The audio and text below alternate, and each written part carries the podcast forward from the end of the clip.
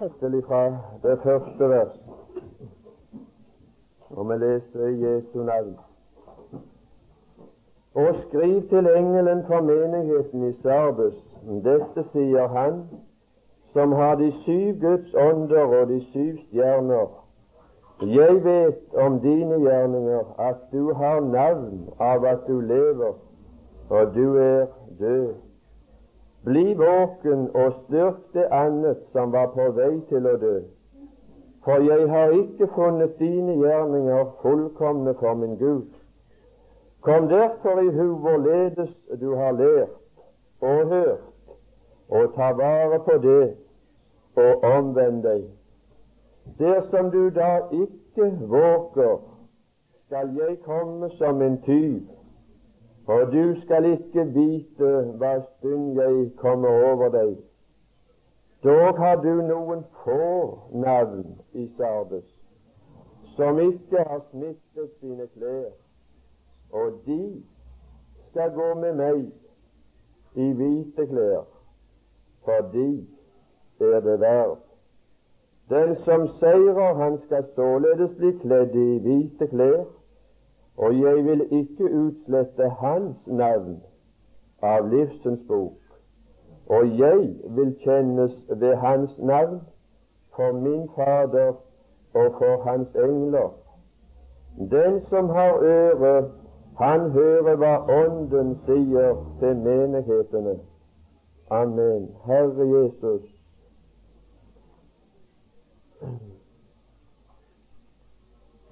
Skulle på en forunderlig måte som jeg ikke vet å be deg om engang. Jeg har ingen forutsetninger for å legge fram for deg noen planer for denne time, Herre. Det er bare i tillit til, det, til din egen omsorg og til din egen duelighet, og for at det er ditt eget ord. Konsekvensen av timen er meg ukjent. Jeg vet ikke hvilke konsekvenser det kommer til å ha for min del. Det er ukjent for meg hva konsekvenser denne timen kommer til å ha for de som skal høre her. Herre Jesus, måtte ditt ord få de konsekvenser både for meg og for andre at vi ble rensa i vår grunn ifra all hedenskap og ugudelighet. Amen. Ja, ja, jeg skulle ønske det at det ikke var fullt så mange på denne tiden. Jeg skulle ønske det ikke at det ikke du er velkommen. Det var bare det du skulle vært fra begynnelsen av. For du som ikke har vært begynnelsen av, du har avskåret deg sjøl for muligheten til å tilegne deg denne timen på en rett måte. Og du har avskåret deg sjøl fra muligheten til å forstå forstå det rett, så langt som jeg kan forstå. For dette kommer inn i en sammenheng. Og jeg kan ingen jeg kan ingen tid ta til å føre noen sammenheng fra begynnelsen ved repetasjon. Jeg må bare begynne her, for jeg er klar over at timen den vil bli altfor kort til å forsøke å dra fram de sannheter som legges framfor oss i dette brev. Jeg vil bare si såpass, for siden det er såpass mange nye, at vi har fra Guds ord dratt fram skriftsteder som vi har lagt til grunnlag for at Johannes' åpenbaring ifra det første vers og til det siste profetiske bok som viste hans tjenere det som snart skulle skje. Og vi har forsøkt, og vi har vist, og det har vært synlig å se, at her, ved disse menigheter som omtalt her, i et antall av syv, det er syv bilder som på den tiden var profetisk, som Gud gav, og så kunne de henges opp i framtiden, og så vil du kjenne igjen når historien ligner det. Eh, vi er samla her, vi ser tilbake på en periode i historien hvor vi finner at disse bildene passer inn. Og de passer inn bare på sine bestemte steder i historien. Og det kan alle se som blir gjort oppmerksom på det. Og jeg kan tilføye før jeg går videre, såpass skal jeg gjøre, at det var en som spurte her er det alminnelig, eller er det andre enn deg som har et slikt syn på Johannes' åpenbaring? Ja, det kan jeg få lov å tro. At hadde jeg vært alene, så hadde jeg vel knapt nok klart å ha den tålmodigheten. Men dette er ingen nyheter. Jeg fører ikke fram for, for dere noe nytt. Og det er ikke noe som, som er utenkt, og som Gud bare har åpenbart for min sjel. Dette var alminnelig som karakteren av tjenere, og dermed får Jesu Kristi åpenbaring. For det var bare det.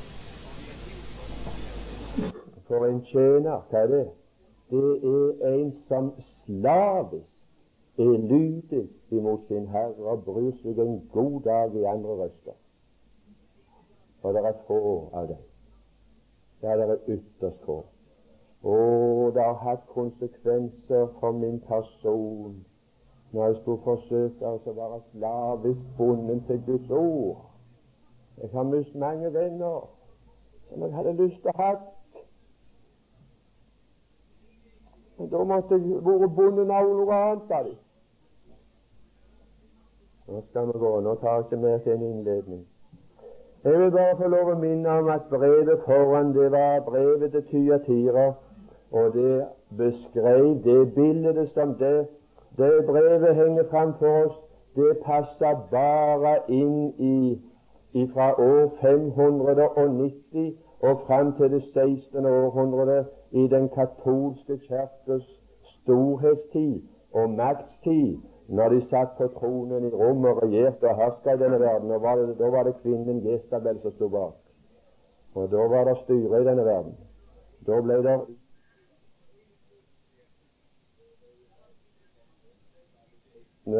enn martyrtiden. Og mange flere enn Hitler klarte å ta i siste krig. De klarte ved presteskap å utrydde 50 millioner mennesker som trodde på Jesus. Det blodet det bada den katolske kirka i skrive Ivervelde. Det leste vi for meg. Jeg kan ikke sitere fra Iverveldet mer nå. Men i den, i den tilstanden, i det brevet, så når forfallet og frafallet det når sin fullendelse. Det vil bli slik inntil jeg kommer, sa Jesus. Slik leste vi. Den tilstanden ble nådde et så grufullt stadie at det kommer aldri noen tid igjen hvor det kan bli verre. For det er noe som heter det grusomste, og det nådde de i uh, Tyatira. Det nådde de når det katolske kirka styrte. Når de fikk politisk makt, disse gav seg ut for å være kristne.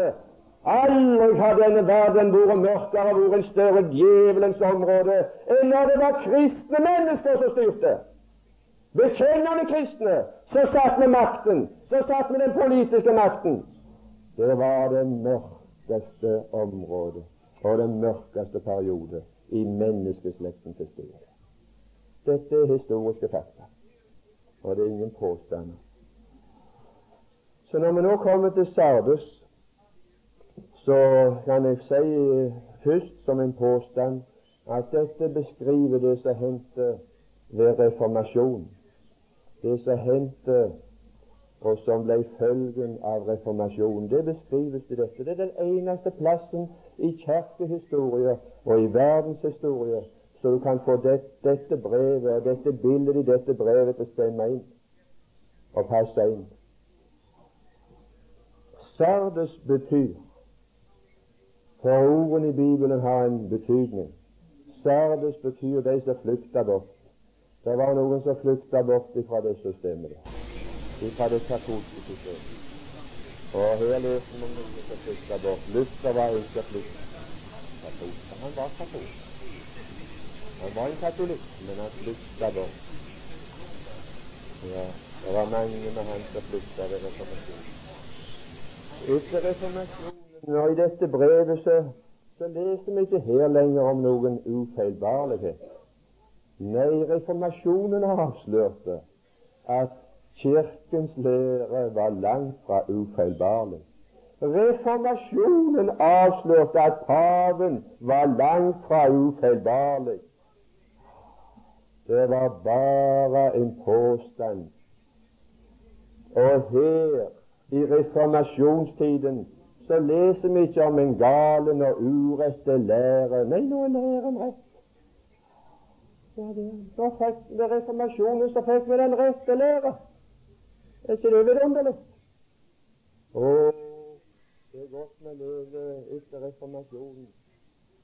Vi, har fått avslørt at det var falskhet med ufeilbarlighetslæren til Kirken. Nå har vi fått den rette lære, og vi har fått slutt på forfølgelsen. Etter reformasjonen så forfulgte ikke de kristne noen troende lenger og har andre syn på den måten at de drepte sånn som katolikkerne gjorde.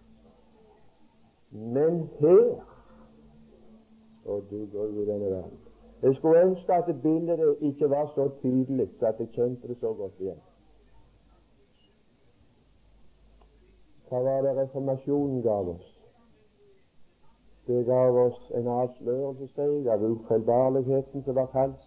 Det gav oss en rette lære. Det gjorde slutt på forfølgelsen. Så fikk vi mennesker som hadde navn av å leve. Her mangler de livet.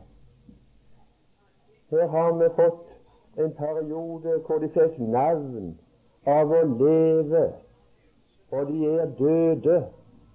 Det hadde de aldri før. Dette er historiske fakta. Reformasjonen førte med seg ved den rette læres forkynnelse så kom det så var et av følgene at mennesker i fleng fikk navn av å leve.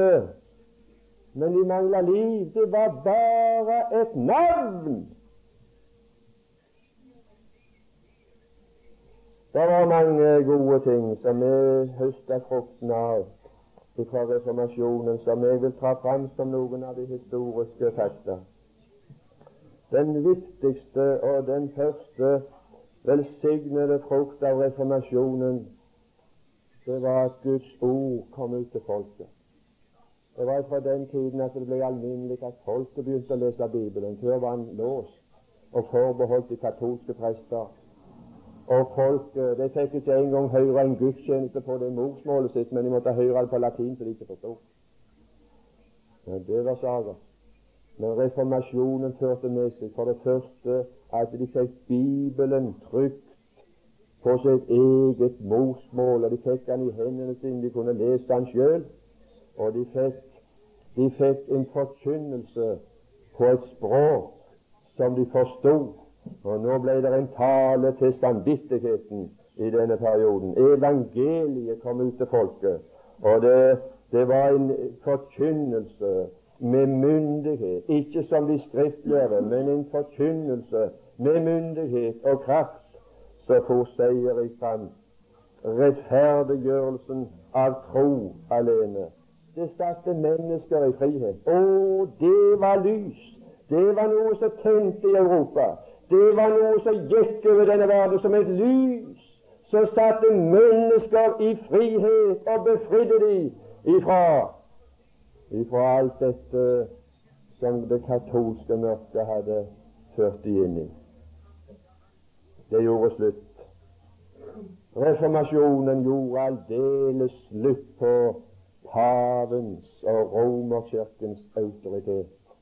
De kom løs ifra dette åket. Velsignede frukter. Velsignede frukter som er øster. Jeg vil få lov å peke på noen svakheter som dette, dette brevet forteller oss om. Noen svakheter som vi finner her, og som jeg kjenner igjen fra den perioden i historien, og kjenner igjen for dette vil være, slik som jeg leste, det vil vedvare, tredje vers, inntil Jesus kommer som en tyv. Det har ingenting med bortrykkelsen å gjøre. Denne tilstanden vil være til, til, til Jesus kommer som menneskesønnen. Og da vil han komme som en tyv. Han vil komme overraskende på denne verden. Men de som er frelst, de som har liv i Gud, de venter ikke på noen tyv. De venter ikke på Herren som en tyv. Å nei, vi hører dagen til. Herren kommer ikke som en tyv. Han kommer for å motta meg. Ikke for å ta meg, ikke for å stjele meg, men han kommer for å motta meg. Amen. Av Den hellige ånd. Den hellige ånd skal overbringe meg til den Herre Jesus i opprykkelsen. Han skal komme til luften, og så skal Den hellige ånd overbringe meg der.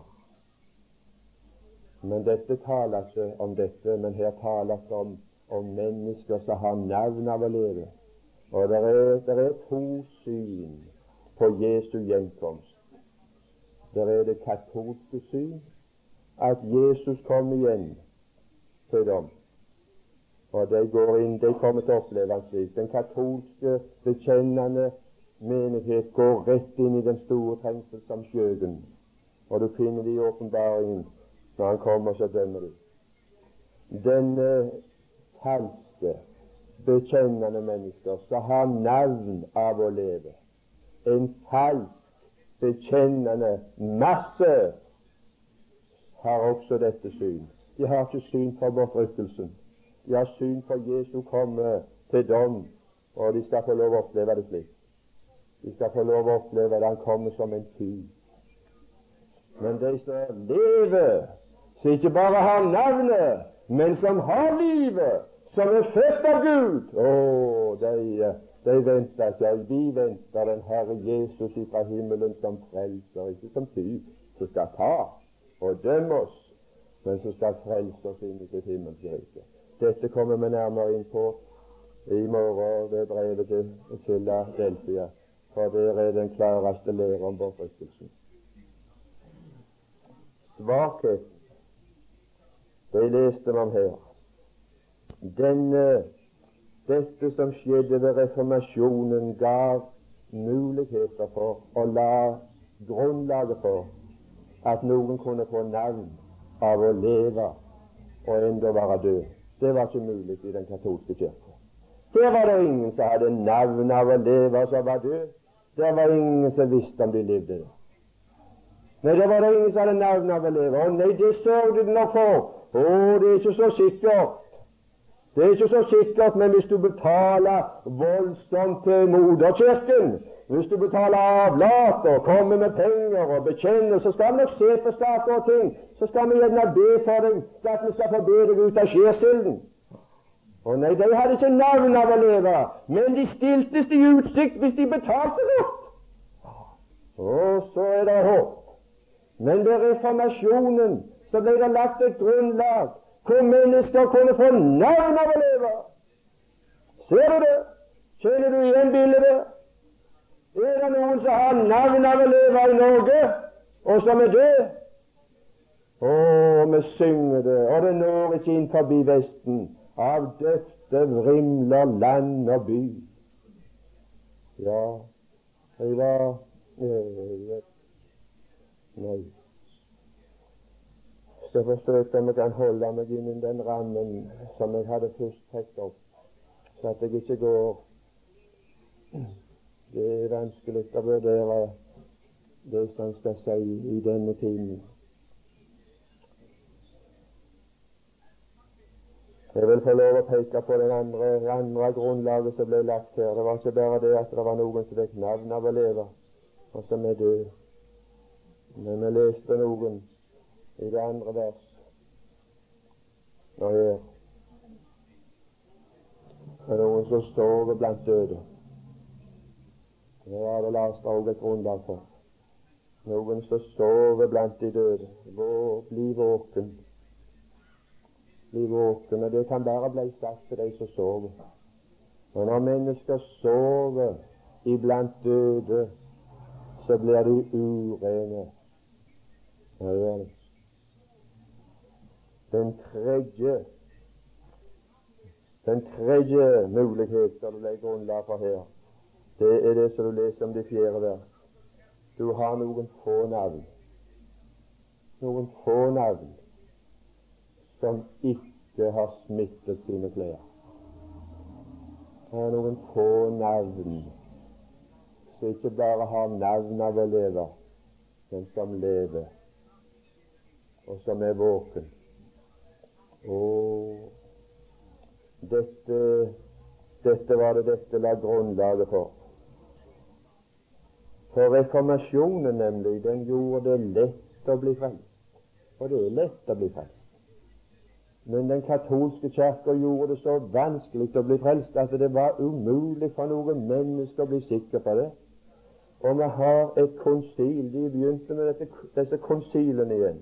Og ved et konsil i Trento i 1545 så avfattet den katolske kirke en resolusjon. Og denne resolusjonen gikk ut på at de fordømte den fåfengte visshet iblant kjetterne. Det var noen nemlig som var sikre på det levde, og det var de som levde det. Men du vet, de som hadde navn av å leve, sa vi må ikke bli dømmesyke. Du må ikke bli for. Hvis jeg spurte deg om du levde, så, så kunne du spekulere om det, om det var klart her, eller om det gikk rundt for meg. Et menneske som lever Det er livsytringer som beviser jeg lever. Jeg lever som et menneske. Og når jeg har fått liv i Gud, så er det livsytringer. Jeg som før var blind, sa han jeg ser nå. Ja visst, mann. Det vet nå vel det at jeg er frelst. Å, denne vissheten, den fordømte dette konsilet blant katolikkerne. Men reformasjonen førte med seg dette klare lys av rettferdiggjørelse av tro alene uten gjerninger. Nei, det la grunnlag til en lette vei til frelse. Det, det gjorde det. Og så kom det så massevis inn at du fikk en masse som fikk navn av Nå har vi ført inn i livsens bok. For livsens bok kom i menneskers hender. Derfor har jeg snakket om noe om at de kan strykes ut av livsens bok. Ja, ja, det har jeg hørt. At at det er noen som fører inn i livsens bok her. Ja, det har jeg hørt. Og når de fører de inn i livsens bok, og så har jeg hørt det, så har jeg lest det, og, når jeg burde hatt det slik, så jeg har sagt før jeg skulle hatt det med. Men uh, om de to sønnene der i Lukas 15, så, så sies det at de, de var sønner begge to. Ja visst var det det. Ja, det, det er noen som forkynner en gang frelst, alltid frelst. Ja, det skal jeg si. Det er en forkynnelse av en gang frelst, alltid frelst. Det er den forkynnelse som la oss grunnlag til her. Det har jeg lest og trykt. Ja, det vet jeg hva jeg snakker om. Og jeg kunne gitt opp kildene. Det kunne jeg gjort. Det lå inni Bibelen min når jeg kjøpte den. Enten du tror eller ei. Og du gru i denne verden. Jeg skal si det er mange i Norge som har navn av å leve, men er død. Så dere leste over at de er ført inn i livsens bok og har navn av å leve. Men de er døde, og de sjøl har ingen innbildning om at de lever nå. Nei, de vil ikke engang vedkjenne at de er kristne, hvis du spør dem. Men andre har gjort de til det. De har gitt de navnet. Og navn kristendom, det førte reformasjonen med seg. Ikke bare det. Hold langt ifra. Nei, det førte med seg navn kristne som var døde. Og så førte det med seg sovende kristne som sov i lag med dem. For det ble så lett. Fordi den forkynnelsen var tro. Rettferdiggjørelse ved tro alene. Og så klart lys som det var i den mørke tid, i dette lovtrelldomsgreiene som var i den katolske kirke, så kan en sannhet som bare er delvis, bli ei sovepute. Det er noen som beskylder Det er noen som har advart noen som kom til dette kurs. Reis ikke til kurs hvor han Arne Bjerkreim Aurebekk er lærere, for det kan bli ei sovepute. Det kan bli en sovepute til unnskyldning for et slurvet kristenliv. Ja, kanskje det. Kanskje de vil vitne om det, de som har vært til stede her. Kanskje det er sådant vitnesbyrd de må avlegge når de skal være sanne. Det var det de fikk høre, at det var en sovepute. Kanskje det er det de må vitne de som gikk i teltet her i forrige uke. Kanskje det var en sovepute. Å, det er bare mennesker som ikke har vært til stede her. Men jeg skal si noe som la grunnlaget til soveputa. Og det var den satsen rettferdiggjørelse ved tro alene! Uten gjerninger! Er det soveputa? Å, det er ikke dekning for den satsen i Bibelen alene. For rettferdiggjørelsen består i langt mer enn det. Rettferdiggjørelsen den skjer ved tro alene. Men i det øyeblikket Jeg skal komme til det. Jeg skal komme til det i morgen formiddag. Jeg må gå forbi det. Eller så, så kommer jeg nok utenfor den ramma. Men hvis du kommer igjen i morgen formiddag, så skal du få en videre forklaring på det spørsmålet. Det skal jeg love. Så sant jeg lever og jeg er her og, og kan er i stand til det, vet jeg ikke fra dag til dag. For nå begynner det å bli hardt. Jeg vil få, jeg vil få lov å peke på hva noe av av det reformasjonen førte med seg. For uh, vi som er samlet til bibelkurs, vi er kommet her for å få, for å få bibelkunnskap og historisk kunnskap om menigheten for å kunne orientere oss og vite hvor tingene stammer ifra. Og nå skal du få, få, få noen historiske fakta. Ikke fordi at dette skal fordømmes, alle ting. Jeg gir deg bare historiske, faktiske opplysninger.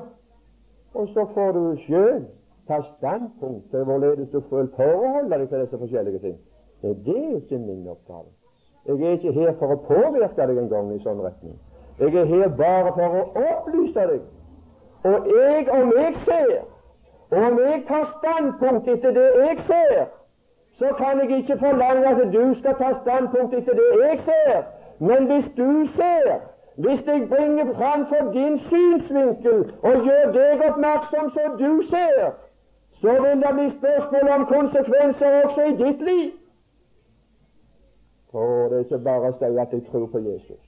Det er ikke bare å si at jeg tror på Bibelen. Det er ikke bare bare å si at jeg tror på Gud, og Han er min Herre. Hvis Han er min Herre, så avkrever det lydighet. Lydighet og renselse ifra all hedenskap hvor i verden han måtte stamme ifra. Lydighet imot Herren. Den første resultatet av reformasjonen, det var at det førte til at kristendommen også i reformasjonen ble statskirke. Jeg har lyst til å opplyse det som en historisk fakta. Det ble statskirke av den katolske kirke når den gikk sammen med den romerske stat. Men ved reformasjonen så ble også den reformerte kirke så gikk også de inn for det systemet at det skulle være statskirkesystem. Det var en følge av reformasjonen. På reformasjonens tid så var alle de europeiske stater kristne. De var katolsk kristne. Så kommer reformasjonen som dette vidunderlige lys som det var. Den, I den katolske kirke på den tid så var det en forfølgelse, og så var det en vold, og så var det et så dårlig politisk styre på grunn av at det var Jesabel som sto bak og regjerte, at alle mennesker i alle land, både keisere og soldater og mennesker, de var takknemlige for å bli befridd fra det katolske år. Og så kom det en sverm av mennesker og stater som ville bli kristne. Og så, så ble Europa kristne, så å si. Det var noen få stater som holdt seg utenom. Men de tok den reformerte tro, og så ble det kristelige stater. De, de forandra sine formularer. Nå godtok de de reformerte formularer. Så var de kristne. Så lett gikk det for seg. Så ble det kristne land. Tenk det. De tok ved kristendommen. Og så hokus pokus, så var den staten en kristen stat. Hvem kunne nekte dem å kalle seg kristen hva de sjøl ville? Nei, det var ikke godt å nekte dem. Og sånt oppsto det. Og reformasjonen førte til, på grunnlag av dette, at det måtte, det måtte noen nye prinsipper til. For du vet, når du fikk en kristen menighet som bestod av så mange forskjellige slags elementer som en stat består av, så ble det også urolig. Ja. Det var voldsomt vanskelig å holde de sammen. Du vet, En kristne menighet den er det Guds ånd som holder sammen, så det er ikke noe problem. Men du vet, når du soper sammen hva som helst, så var det vanskelig å holde i orden og holde de i hop. Så var det noen nye prinsipper som måtte til for å holde de sammen. Ja, og så fikk vi nye prinsipper. Og disse nye prinsippene som fulgte, det var noen evangeliske bekjennelsesskrifter. Så skulle de være lydige mot deg. Hvis de bare anerkjente deg og, og, og, og etterfulgte deg, så skulle det gå godt. Men for at de skulle gjøre det, så måtte det altså det måtte det organiseres. Det måtte organisering til, for det måtte autoritet bak for å holde disse tingene sammen. Slik begynte det. Du kan lese om dette sjøl i en god kirkehistorie. Jeg vil anbefale Ivar Velles i kirkehistorie. Den er en nøkterne bok som gir historiske opplysninger. Men når de skulle, når de skulle proklamere den evangeliske menighet, så kunne de ikke proklamere en menighet av bare de sanne for hvis de det hadde gjort, så hadde de lukket ute de der som de skulle stå til vente. Så hadde de lukket ute han der verslige keiseren, så det var om å gjøre å stå på god fot med så kunne han jo begynne å forfølge dem igjen. Så hvis de skulle proklamere en menighet som skulle være så streng at det var bare for gjenfødte, levende mennesker, så kom de jo i konflikt igjen med de som ikke var frelste.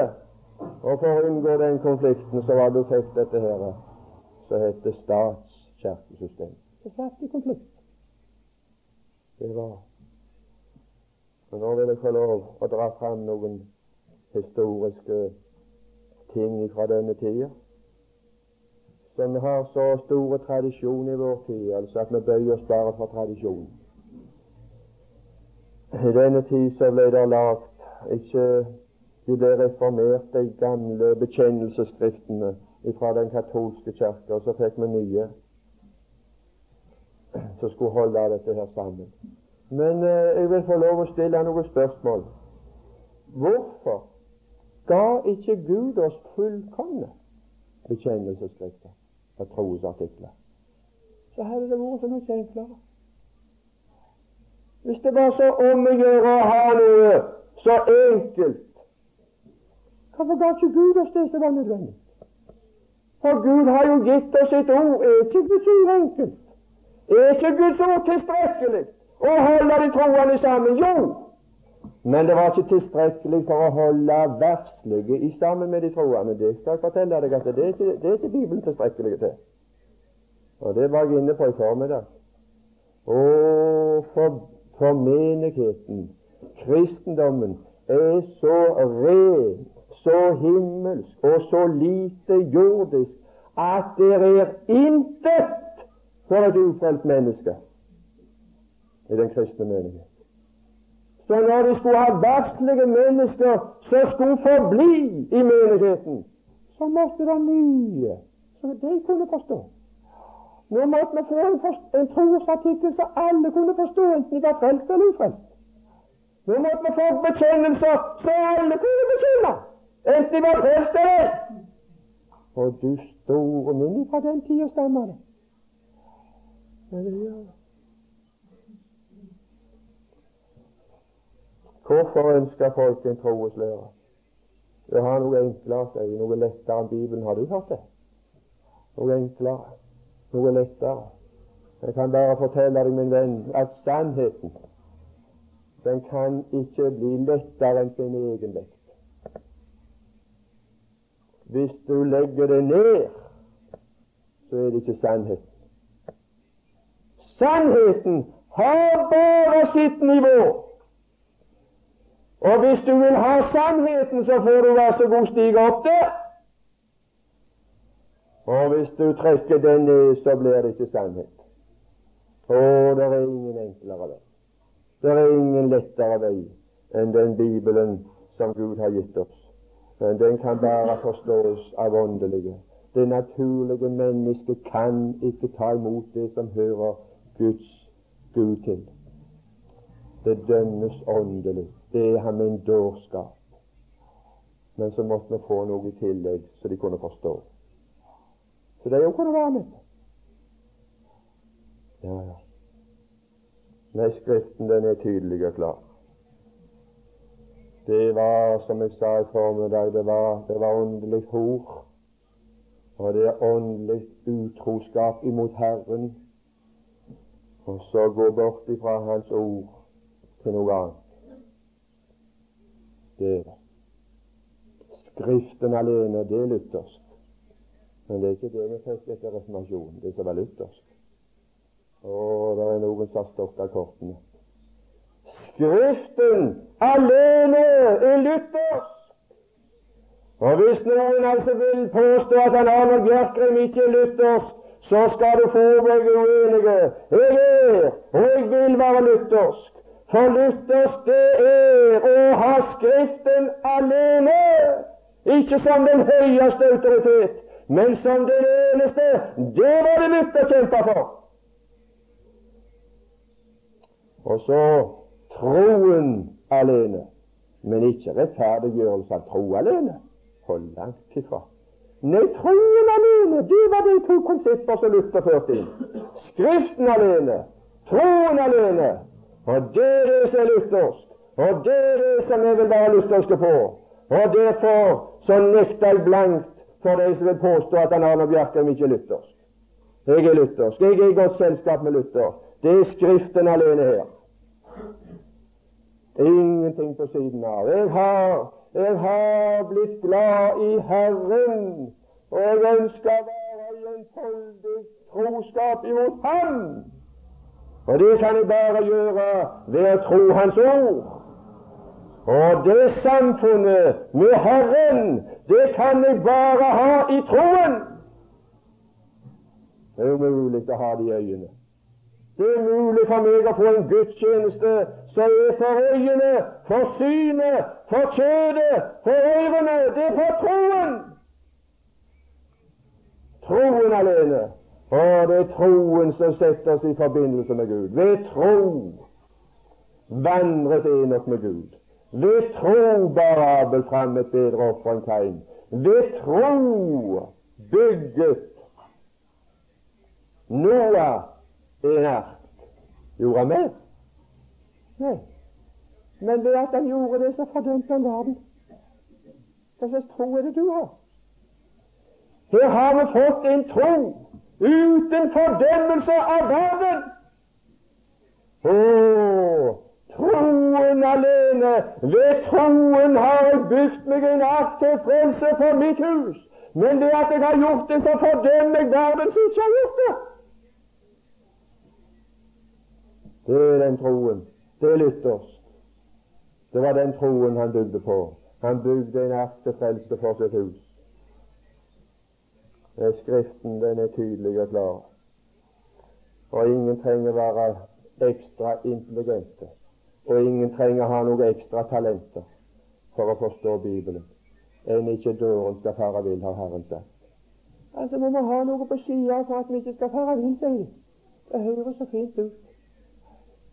Skriften alene, sa dette La oss ikke føre på avveier. Skriften alene, det er tilstrekkelig.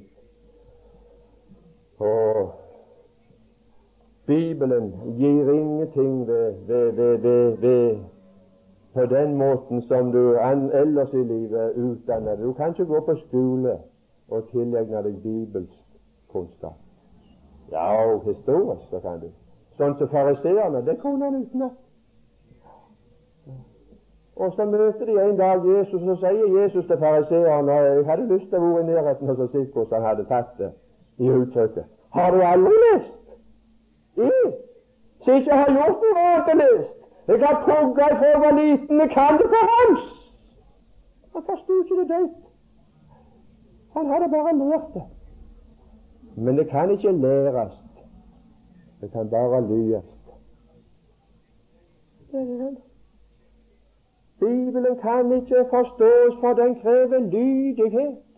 Det er det som det er spørsmål om du har karakteren av, av, av barn som lydige barn.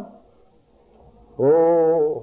Ikke så har slutta deg til en død ortodoks rett lære og fått navn av å leve, men du har liv og ledesart av det. Ah, av hjertet blitt lydige. Imot en lærdomsform. Det omskaper oss. Det blir et nytt liv, et nytt levnet, nye interesser. Å, av hjertet blitt lydige. Det er ikke død ortodoksi. Det er liv. Det kan ikke læres. Å, de kunne lære, som sier og etterligne, men det ble bare etterligning. Kopiering. Dødt. Det er bare Gud som kan føde liv. Ja, ja, det kunne vi vært inne på. Jeg går videre. Jeg vil først få lov å si at Skriften den er tydelig og klar for de som er Guds mennesker. Først er Guds i den betydning at de er frelst, gjenfødt, og at de er av Gud Guds barn. Men eh, ikke mindre i den karakteren at de er Guds i praksis. Der er det en som er Guds det er en som han har noe han kan si til. Det er en som hører for Gud. De forstår. For de åpenbarer han. Ja. Og nei, han har nok ikke gjort det så enkelt at det står bare babla sammen i en flokk, og så bekjenner, og så kommer det. Og langt ifra. Nei, han, han meddeler det ved betroelse. Ved betroelse. Herren gjør ikke noe uten at han først betror seg til sine tjenere. Så forsvant de profeten. Og så står det altså at det ved tro bygget Noah en ark til frelse for sitt hus. Hvorfor gjorde han det? Han var varslet av Gud. Han hadde kontakt med Gud. Det var troen som satte han i forbindelse med Gud. Han hadde kontakt. Han var Guds menneske. Og så ble han frelst ved lydighet imot det. Ingen annen vei. Oh, rettferdiggjørelse ved tro alene uten gjerninger, det har vi i romerbrevet. Det er det som Gud ser. Jakobs brev, hvor er det blitt av i reformasjonen? Nei, det må du ikke ta med, sier de for.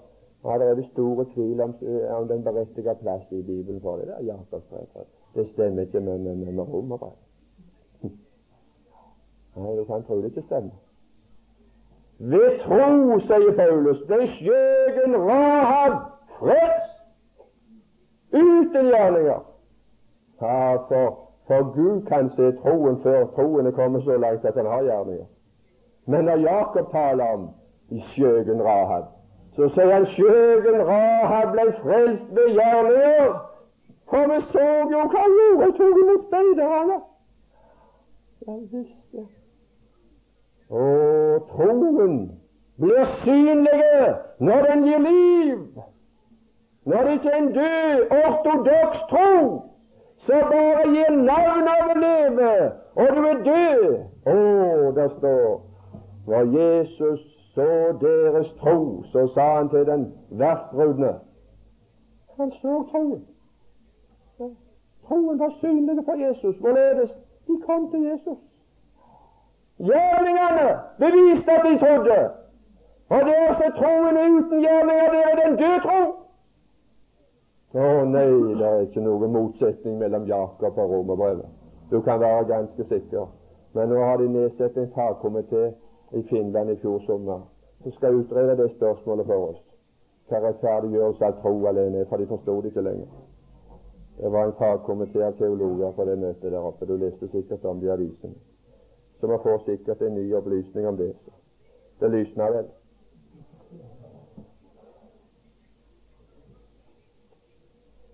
Ja en annen ting som jeg vil dra frem her, som reformasjonen førte til, som jeg har fått smertelige erfaringer Reformasjonen førte til det at det ble statsreligion. Så ble det populært å være en kristen. Og så ble det upopulært å ikke være en kristen. Så er det forsmedelig å ikke tilhøre statskirken.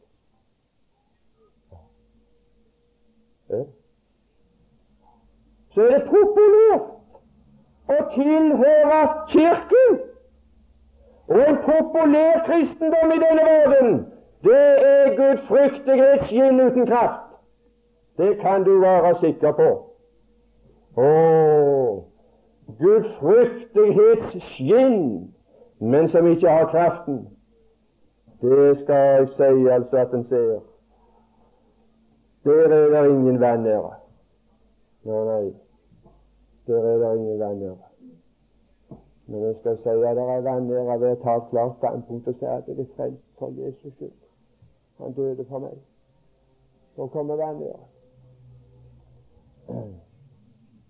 Kunne ikke du, Arnold, være litt grann kristelig med måte? Var det en som sa til meg det var noe mirakuløst at du skulle ta sånn overhånd hos deg?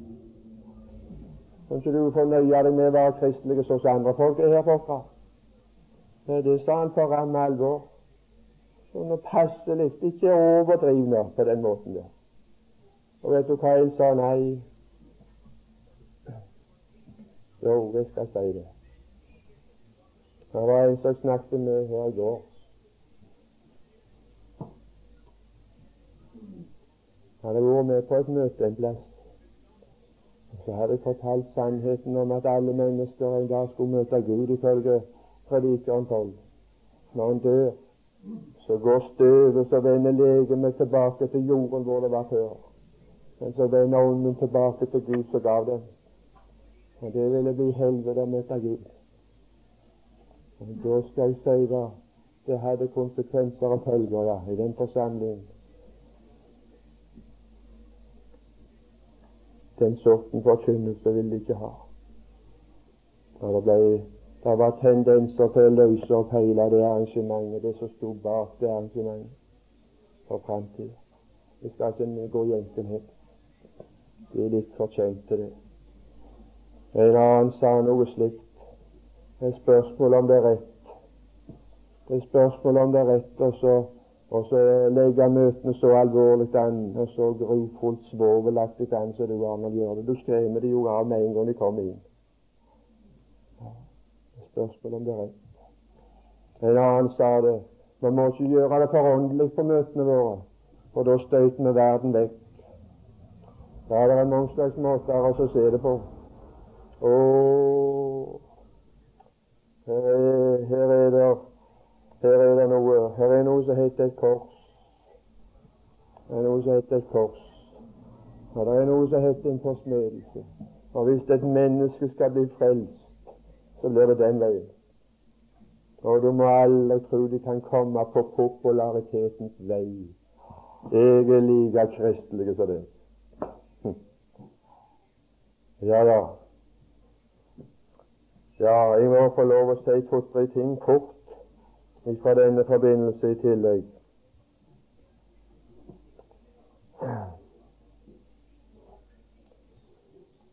En følge av dette som jeg nå har sagt. Den første i en rekkefølge her av ti som jeg vil nevne. Du kan skrive de opp, og du kan kontrollere de. Jeg er meg bevisst at her er det lydbånd som sviver, som de kontrollerer de som er her, og de kan kontrollere det senere. Og jeg sier igjen, det er ikke ei sur sild verdt noe av det jeg sier, hvis det ikke står for kritikk. Å, må de søvnfare, må de kritisere de fra alle slags retninger, fra alle himmelretninger. Er det et svakt punkt i det, og er det noe som ikke står for kritikk, så kast det på båten. Men er det sannheten? Hvis du ser lys i Guds lys, så er det bare én ting det avtvinger av oss, det er lydighet. Nå skal du se noen av følgende. Guds ord er ikke lenger nødvendig etter reformasjonen. I den katolske kirka så hadde de iallfall den egenskap og det preg at de tok vare på Guds ord uavkorta. Og du finner aldri en katolikk som drar Guds ord i tvil. Aldri en katolske teolog som drar Guds ord i tvil. Alle katolske teologer de tror på Bibelens verbale inspirasjon så langt som jeg kjenner til. Det er noen som har respekt for Guds ord. Men det fulgte noe i kjølvannet når de fikk noe i tillegg til Guds ord. Når vi fikk fariseernes og saduseernes og Herodes og surde inn i læren, da skal jeg si det skjedde noe. Å, det er de lutherske, lutherske teologer i Norge, i Tyskland spesielt, over hele denne verden, som er foregangsmennene til å rive tilliten til Bibelen i bras. Der har du det. Å, de snakker så høyt om bekjennelsesskrifter. De snakker så høyt om, om, om, om, om kirkefedre. De snakker mindre om besteforeldrene, apostlene og apostlenes lære. Det hører mindre om at de har tillit til deg, men de tar doktorgrad på lutherdom. Det kan de ta doktorgrad på, men hvem tar doktorgrad på apostlenes lære? Den skulle hatt lyst til å se sitt av disse teologene som river Bibelen ifra oss. Det er en i Norge gitt oss, jeg nevnte i formiddag, en eneste vi, ved navn Karl Fredrik Wisler. Jeg ønsker å heve hans navn høyt, for han er det verdt. Han er, han er presentert som Norges eneste professor i teologi som tror på en hele Bibel. Det er tynt i skogen. I slaget kjenner to. Professor Rodeberg og professor Hedegård. Ellers er det visst tynt. Det er iallfall svært lite de stikker fram og gjør seg gjeldende. Men det er ikke tynt blant den andre skogen. Jeg har bøker. Jeg har bokhyller som er fulle av bøker. Og av norske bøker. Og av andre bøker. Jeg skal si de river Bibelen i filler. Og jeg har en kamerat som skal utdanne seg som religionslærer for å for lærer i, den, i religion i den høyere skolen. Stakk stakkars mann, hva han må gå igjennom av teologene som river tilliten til Bibelen ifra stykke for stykke, så det ikke fyller igjen. Oh, det er om å gjøre å bli konfrontert med sannheten ikke leve i drømmer og sove i lag med disse døde. Våkne opp! Omvend står det. La oss få reist en mur. La det fremdeles være en mur omkring iallfall de som har liv, så at vi ikke tar våre barn fra oss. Hvem skal gi mine barn troen på Bibelen? Det kan iallfall ikke vente det derfra. Hvis jeg ikke kan forvente det fra sånne bibelkurs som arrangeres se på Mosby og andre sjeldne steder i landet vårt, så vet du ingen plass. Ja, det er tynt. Ja, det er tynt. Nei, det andre tilfellet så ikke nødvendig lenger. De har ikke Guds ord, for de har, de har tekstbøker uten Guds ord. Ja da. De klarer seg godt med bekjennelsesskrifter uten Guds ord. Og leser de en tekst, så er det for å gå ut ifra en for aldri mer å vende tilbake til han. Det har jeg hørt. Og det er ikke en tolkning av Guds ord, men det er en bortfortolkning. Å, for en tid vi lever i. Jeg satt oppe, oppe i Bergen oppe i en, i en rikmannsheim, i en direktørbolig oppe i Fløyen. Det fineste huset jeg noen gang har vært inne i mitt liv. Jeg kommer vel aldri inn i en sånn bygning mer kan jeg tenke meg. Det var kona i huset som var frelst. Og så hadde hun omsorg for mannen sin, og så ringte hun en dag i telefonen. Jeg bodde i Bergen, jeg har virka i Betlehem, bodde i klosteret der og fikk telefon en dag. Og Så bare ringte hun til innovasjon. Det var bare et tilfelle at det var meg. Mannen hadde ytra et ønske om å få en samtale med en mann fra Indremisjonen i åndelige spørsmål. Og Nå leste hun om en mann som het Arnold Bjerkreim, som hadde møter i Betlehem, og så trodde hun at, at, det måtte være en som kunne hjelpe han, og så ringte hun og spurte om jeg ville komme. Og jeg har aldri hatt så lite lyst til å gå noen plass. Og aldri har jeg hatt så lyst på å kunne noe som den gangen. Og aldri har jeg hatt større lyst til kjent Skriften bedre enn jeg gjorde. Og skal bare si et lite klipp fra den samtalen han sa. Å, prøv å forstå meg, Bjerkreim. Her står jeg utenfor. For jeg ville så gjerne tro. Men tanken skal jeg tro. Det er så mange røster, alle steder i sannheten. Og jeg hører på det, de leser en tekst fra Guds ord den ene den ene gangen, og så snakker han om noe som ikke står i den teksten. Så hører en annen en annen gang så snakker om samme teksten. Han snakker om noe helt annet. Betyr Guds ord alt mulig? Å, jeg skal si at det har nedbrutt troen. Vi har fått erstatninger for Guds ord, og det har følger i folket vårt. Hvorfor er det vanskelig å samle folk om Guds ord? Det er ikke noe å høre, de har ikke tro på oss. Guds ord er ikke lenger nødvendig, og langt ifra. Nei, det ser en rundt omkring. Det er andre ting de har tro på. Coca-Cola, ikke minst. Ja, det har de fått tro på pingponger, aftenunderholdninger, alle mulige ting. Jeg vil ikke gå i detaljer. Guds ord er ikke nødvendig lenger. Å, hvor det ender henne, det vet ingen. Den andre, Guds ånd, er ikke nødvendig lenger. Og langt ifra. Hvem er avhengig av Guds ånd? Og nei, de får det til med et apparat uten ånd. Det går knirkefritt. Og ja, den metoder får det til. Jeg kan fortelle deg at skoler kan ikke utdanne talere. Ingen bibelskole og ikke noe menighetsfakultet som kan uttale evangelister og hyrder og lærere i Guds rike. Og langt ifra. Enda mindre blir de det om de blir ordinerte. Ingen kan ordinere seg et Herrens vitne. Ingen kan ordinere seg en forkynner, og langt ifra. Det er ikke Kirken som gir tjenere, men det er Herren som gir. Det var Herren som gav noen til menigheten med den gaven å være evangelist. Det var ikke noen som ordinerte de på det. Men i kraft av en ordinasjon så kan de nå gå uten å ha gaver.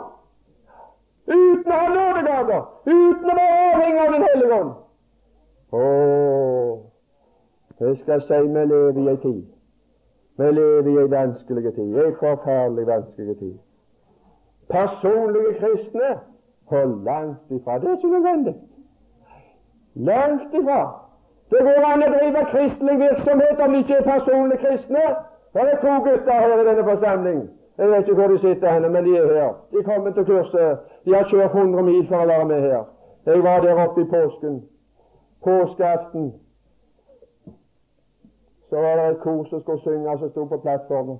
Skulle altså være med i vekkelsesmøtet. Et kor som bestod av husmorlaget, husmorkor, ufrelste, så sier si alle sammen. Det er ikke nødvendig med personlige kristne lenger. Hvem som helst kan synge. Synge Herrens pris, synge om Jesus. Ja visst, det er ikke så hypp på det hvis de bare kan. Det er spørsmål om de har stemme, sier de. Spørsmål om de har talegaver.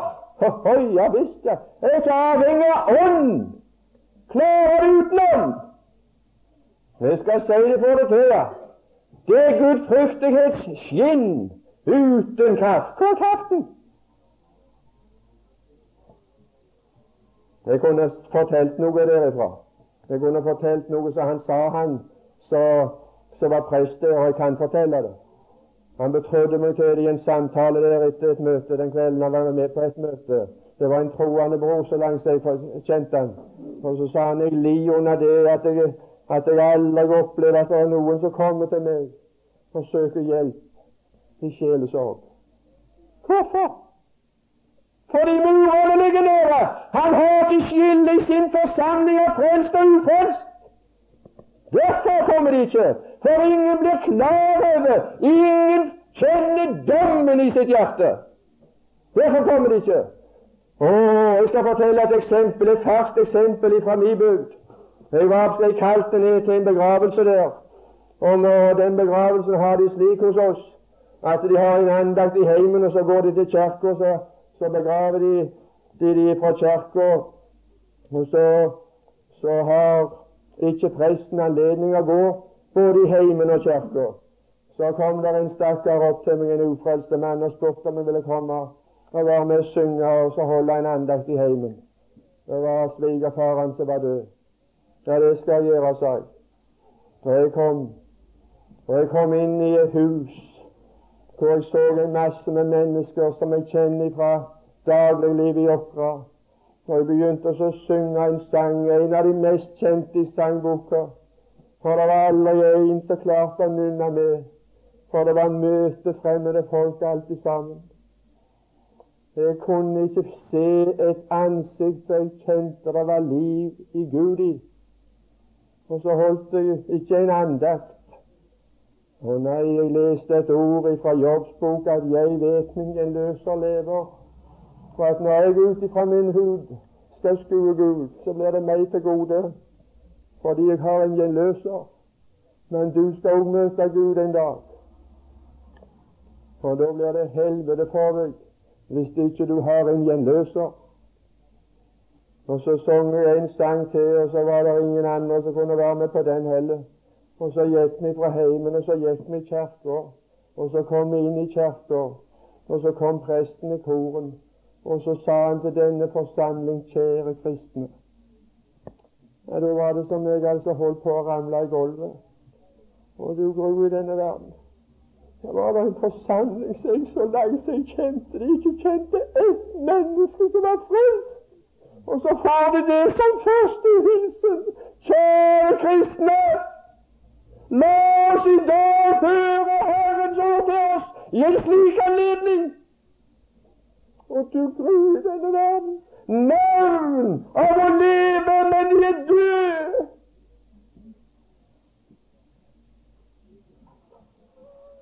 Nei, personlige kristne trenger ikke det systemet. Det går like godt uten.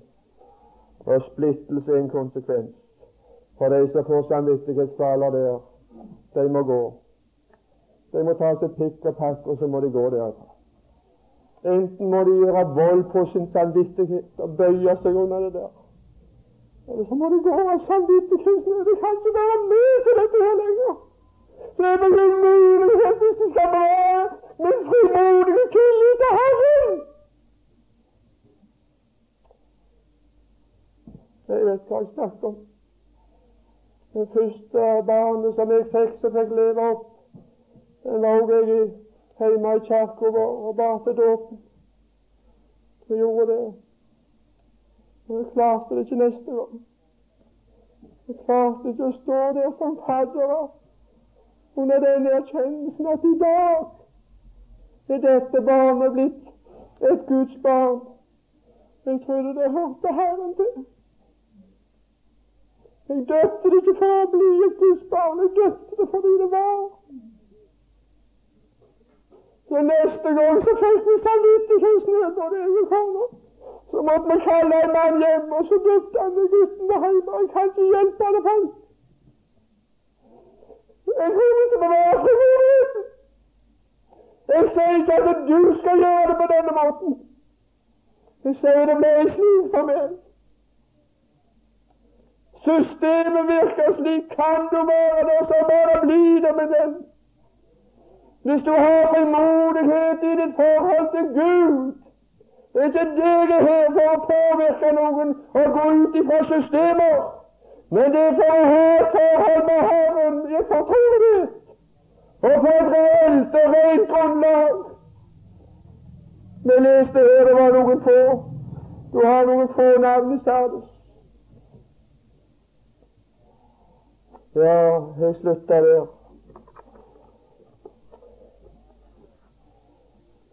Jeg skal slutte der, og nå er jeg Nå er jeg det mest. Nå har jeg gjort det. Jeg vet ikke konsekvensen av det. Jeg kunne latt det være holdt denne timen, det vet du like godt som noen annen. Og Gud vet at det kunne, og Gud vet òg om andre ting i dette forholdet før dette kurs og under dette kurs. Og du får mistenke meg for hva du vil, og du kan beskylde meg for hva du vil etter denne timen. Men dette er Guds ord. Dette er historiske fakta. Herre Jesus. Herre Jesus. Å, vi kommer i samfunn med deg. Vi er kommet til tro på deg. Vi er blitt dine barn. Og har fått en trang og et ønske, Herre Jesus, å vandre verdig for deg i denne verden ta avstand ifra sammenblanding og urenhet. Herre Jesus, det er vondt i vårt liv. Det er vondt i vårt liv. Må du kaste lys for den enkelte. At det er ikke spørsmål hvor vi står med et navn i denne verden. Det er spørsmål men det det spørsmål i vårt hjerte. Det hjelper lite å gå ut med navn i det ytre. Og det betyr mindre hvor vi er.